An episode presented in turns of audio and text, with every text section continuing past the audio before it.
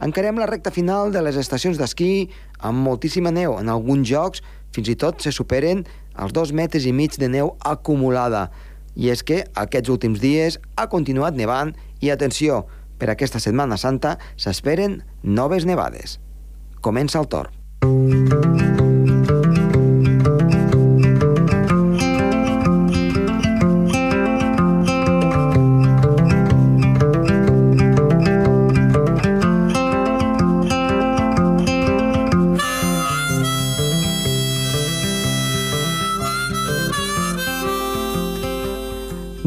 poc la primavera va entrant, tot i que encara ha de donar una mica de sí les pertorbacions, amb nevades, com hem dit.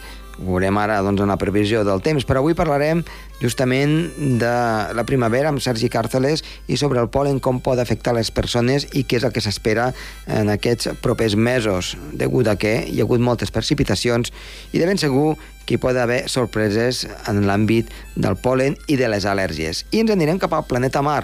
En Pere Moliner ens explicarà com el planeta Mar ha estat vist al llarg del temps, al llarg de la història, de diferents maneres, segons la societat en la qual ho explicaven. Som-hi!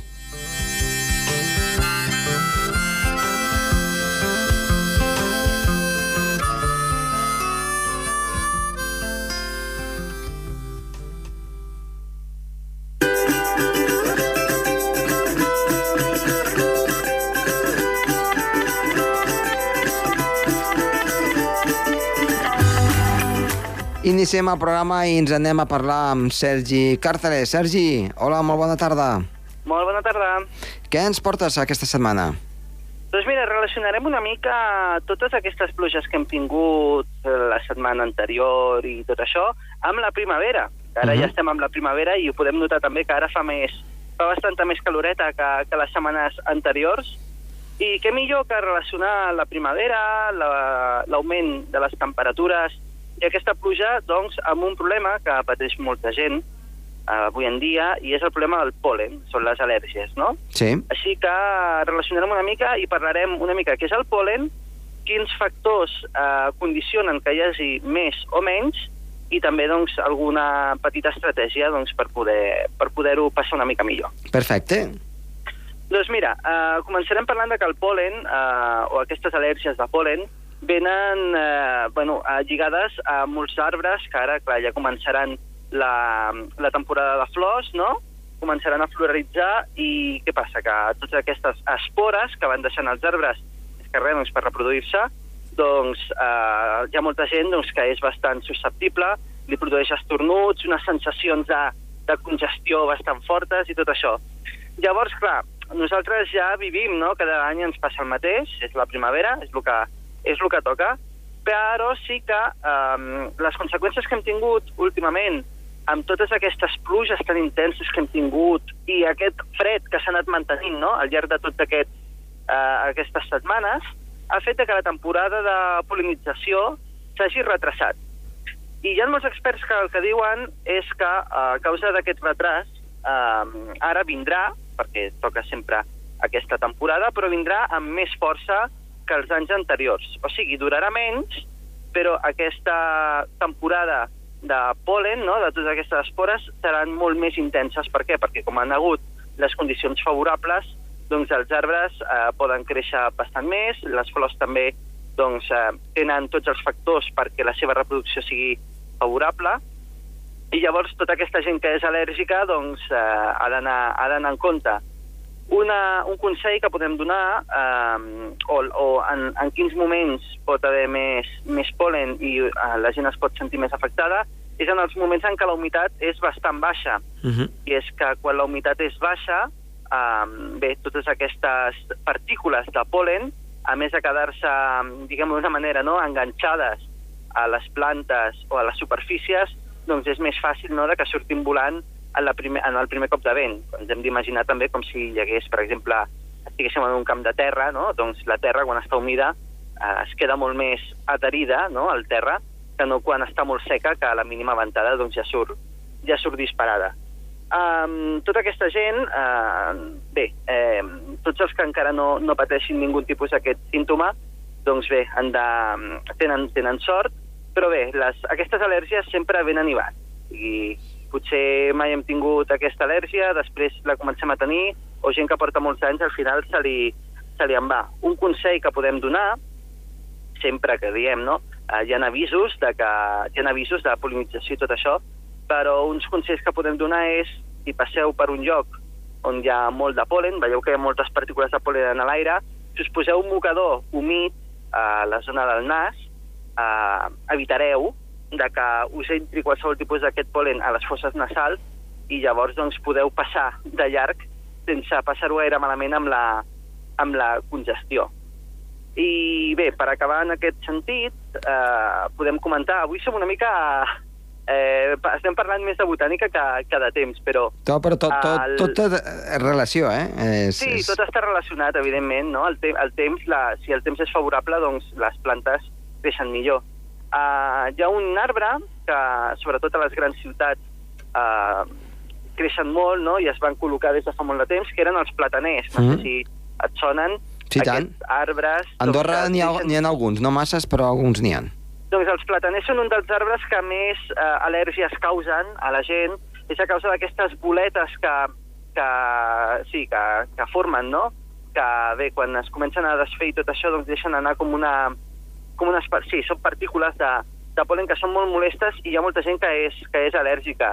Si és així, doncs, eh, atent, no passeu per sota de gaires plataners, sobretot si és un temps, com diem, molt sec, i si fa vent, doncs, encara, encara pitjor. Però res, més que res dir que ens espera una primavera doncs, eh, bastant eh, calenta, bastant, eh, amb, amb temperatures bastant càlides, i cal dir això, no? que totes aquestes pluges que hem tingut les setmanes anteriors doncs el que causaran serà que els arbres i les plantes creixin molt més i serà una temporada d'al·lèrgies bastant forta.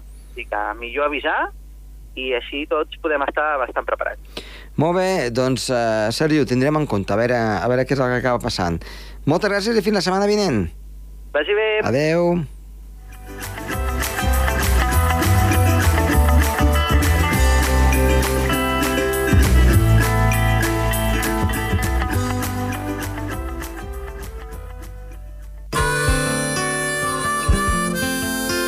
El Torb, amb Josep Tomàs.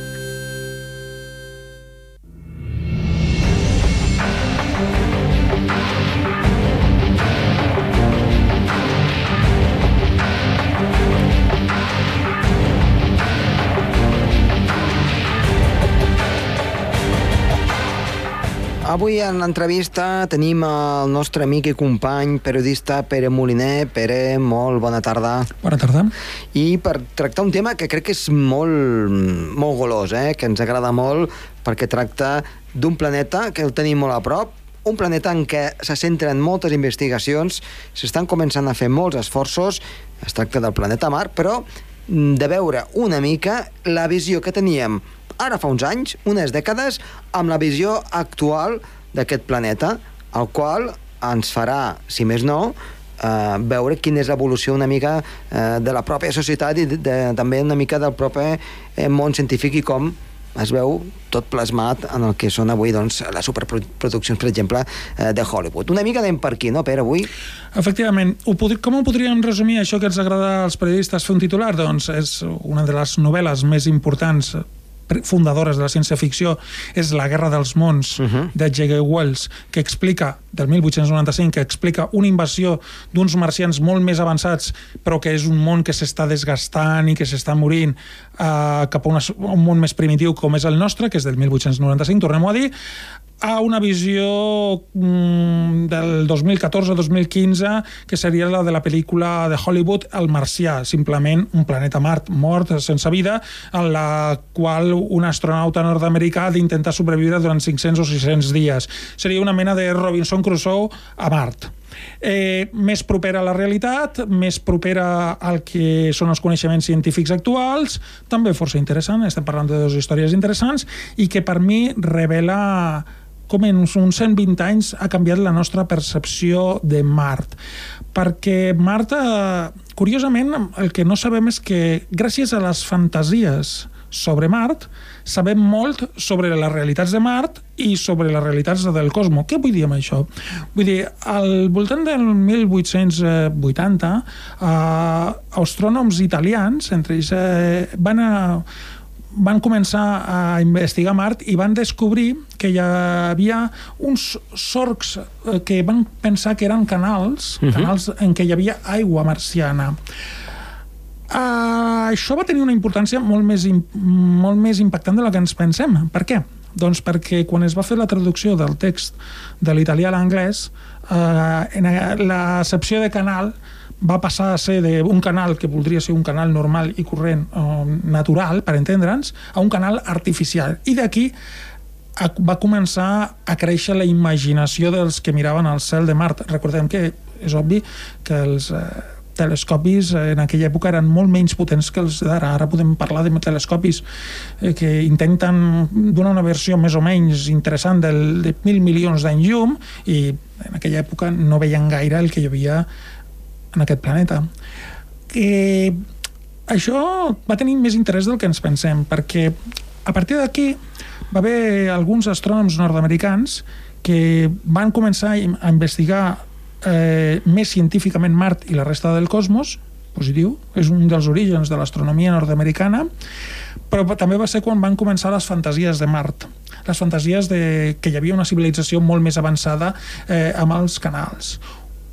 A la dècada del 1890 aquestes fantasies ja estaven uh mhm. -huh. prenent forma. La Guerra dels Mons és una prova d'aquestes. És a dir, Mart, eh, com dèiem abans, és està en una civilització molt més avançada que la nostra i que el, plan, el planeta s'està morint perquè ja no sabem com, com mantenir la, com mantenir aquests canals d'aigua i què decideixen fer? Decideixen envair la Terra. Per què? Perquè és un planeta més primitiu. De totes maneres, deia de que això diu dues coses sobre l'estat de la ciència en aquella època, és a dir, que no se sabia gaire el que, que hi havia a Mart i s'especulava amb les poques proves, i també més interessant del que com som les persones perquè el propi autor de la novel·la de la Guerra dels Mons, Wells, explica de no critiquem gaire els marcians per atacar Anglaterra perquè de fet eh, eh, es, es van comportar com els anglesos es van comportar amb l'Àfrica i altres llocs de la resta del món. Exacte, Aquest és el missatge pacifista de la, de, de, de, de, de, de la novel·la. És a dir, és una novel·la pacifista. Jo no sé si iguals creia realment que podia haver civilitzacions marcianes, però va aprofitar per fer un pamflet anticolonialista molt divertit. Al voltant del 1910-1912 eh, es va crear una saga, la saga de Carter de John Burroughs, eh, sobre bueno, un planeta bar, anomenat Barsum, eh, que era Mart, evidentment, en el qual un, un militar nord-americà tenia diverses aventures, totes, eh, diguem que era un planeta ple de fantasia, amb, princeses medievals, i sempre, evidentment, amb els canals de Mart. Qui és aquest home? Doncs és tan, tan senzill com que és l'autor de de, de les novel·les de Tarzan una mica més conegudes i que encara segueixen sent eh, àmpliament, àmpliament acceptades en, en la nostra imaginació popular. Tot això va ser important per dos motius, com dèiem abans, perquè va estimular la ciència i va estimular també la ciència-ficció. Al 1920, un dels clàssics de la ciència-ficció soviètica és Elita, parlar d'una un Mart que era una civilització superior en la qual havien d'aprendre molt els humans. Era, evidentment, una civilització amb canals i... Una civilització socialista en la qual havien d'emmirallar-nos els socialistes soviètics de l'època que aprenia. Aquest era el missatge, no? Hem d'aprendre dels marcians. Bé, les històries de la ciència-ficció i continuaven i als anys 30 va aparèixer una història que a un conte de ciència-ficció nord-americà d'un marcià que venia a la Terra i que ens ensenyava a ser més bondadosos. Una, una història de Jesús, Jesús còsmic, per entendre'ns, no? I sempre la, els canals de Mart. Al 1950 recordem que hi va haver els platets voladors, les, les històries dels omnis, que encara continuen. Havia algun, uh, un home que deia que havia estat contactat per marcians i per venusians. Mm, a principi es pressuposava que podien haver marcians i que vinguessin a nosaltres, és a dir, noves revisions de la Guerra dels Mons. Però aquesta vegada vistos no tant com a colonitzadors, és a dir, com una Anglaterra que tracta els anglesos com els anglesos tractaven els africans, sinó com una mena de, de soviètics dolents. Això als Estats Units, naturalment.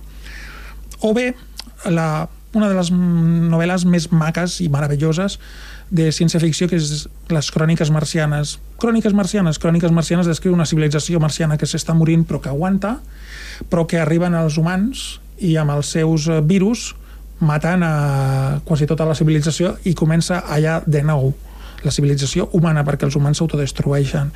Bàsicament, eh, quin és el missatge? Doncs el missatge és molt fàcil. Els humans som tan burros de, de poder-nos autodestruir i som tan destructius que podem matar amb els nostres germens a, a altres marcians. És a dir, bàsicament els marcians... Eh, d'aquesta novel·la de Bradbury tracten el Mart de 1950, la novel·la és del 1950, com els avantpassats de Bradbury van tractar els indis nord-americans d'Iowa, era d'Iowa, al 1850, només han canviat. A partir dels anys 60, aquesta història de Mart, aquesta visió de Mart va canviant perquè les observacions cada vegada són més interessants i es va veient que això dels canals no hi havia, o que eren miratges òptics, hi ha explicacions més complicades. Llavors, eh, però tot i així, eh, segueixen...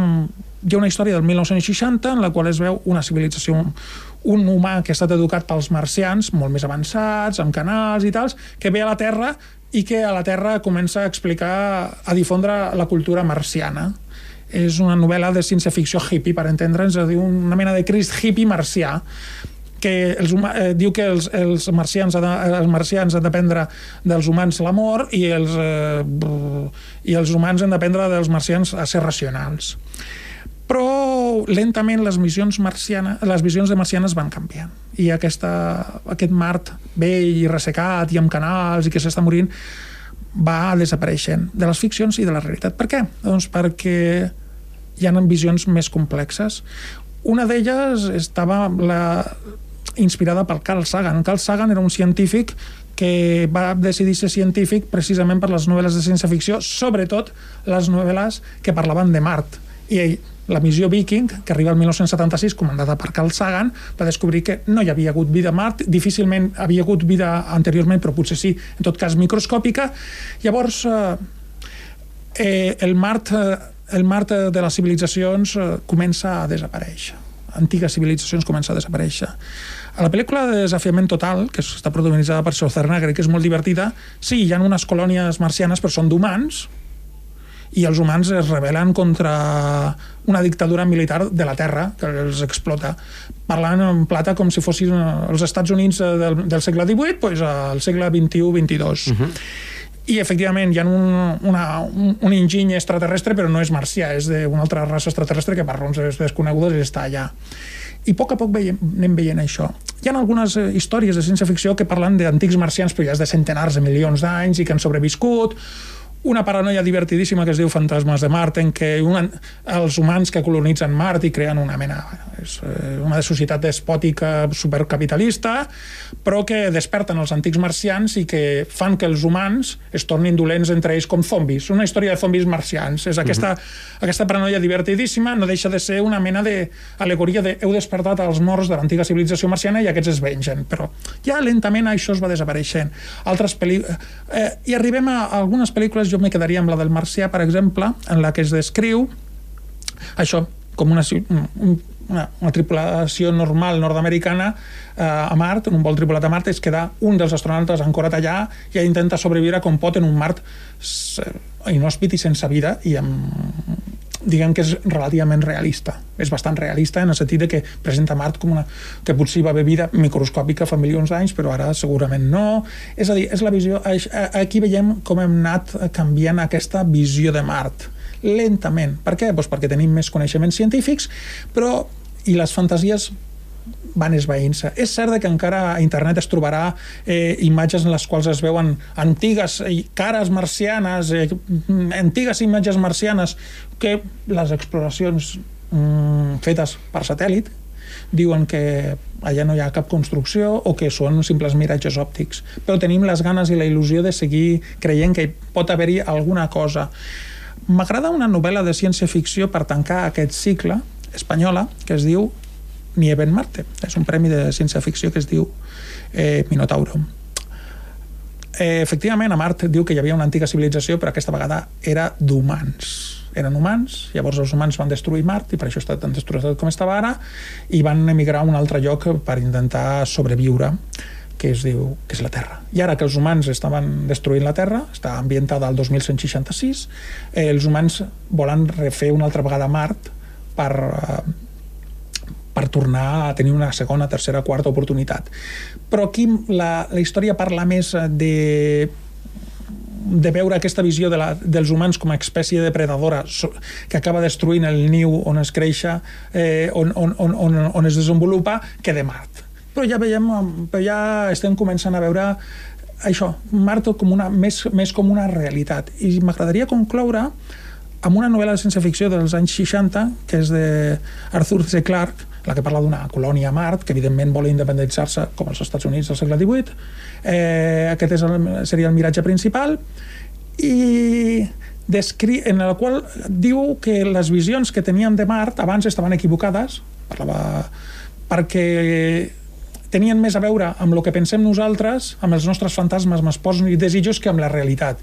Cosa que també, per cert, és certa de la pròpia novel·la. Vale? I el final final és eh, d'una d'una altra, altra sèrie èpica de ciència-ficció que es diu Babylon 5 en la qual, i m'agradaria acabar aquí eh, en la qual, evidentment, hi ha un giny, marci, hi ha un giny a Mart d'una antiga nau extraterrestre, però d'una civilització molt, molt llunyana i que estava a Mart per casualitat, o és a saber per què, i els colons, eh, els colons humans a Mart són tractats despòticament per la Terra i es rebel·len contra ells.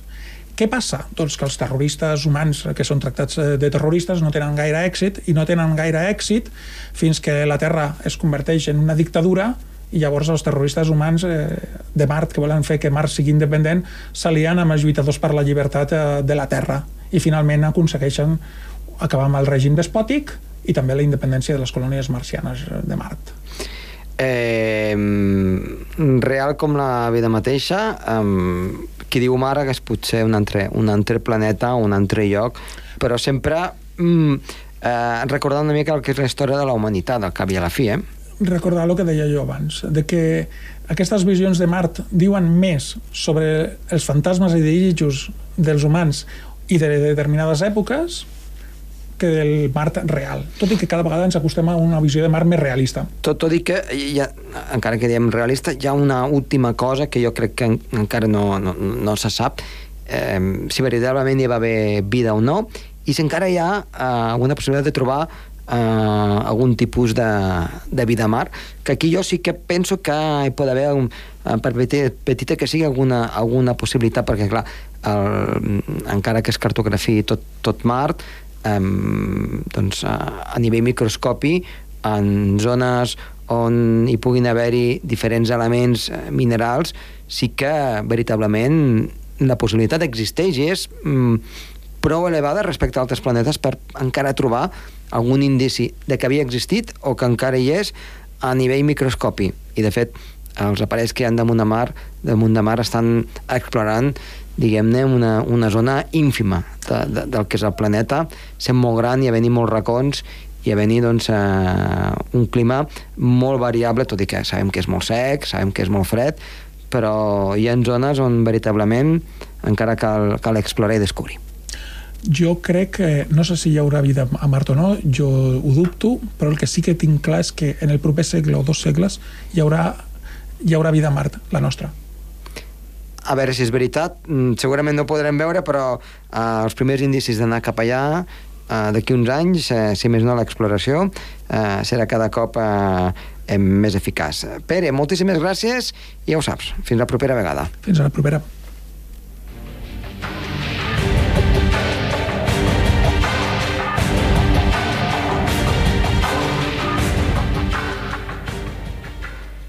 El Torb, amb Josep Tomàs.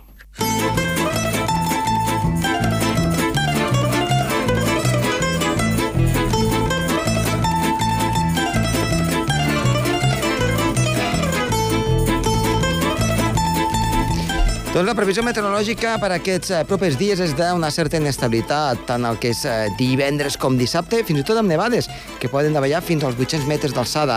Això sí, a partir de dissabte i migdia, i especialment a partir de la tarda, es comencen a obrir clarianes, temperatures baixes. En canvi, diumenge i dilluns tornarà la primavera amb temperatures més elevades i amb el sol com a protagonista.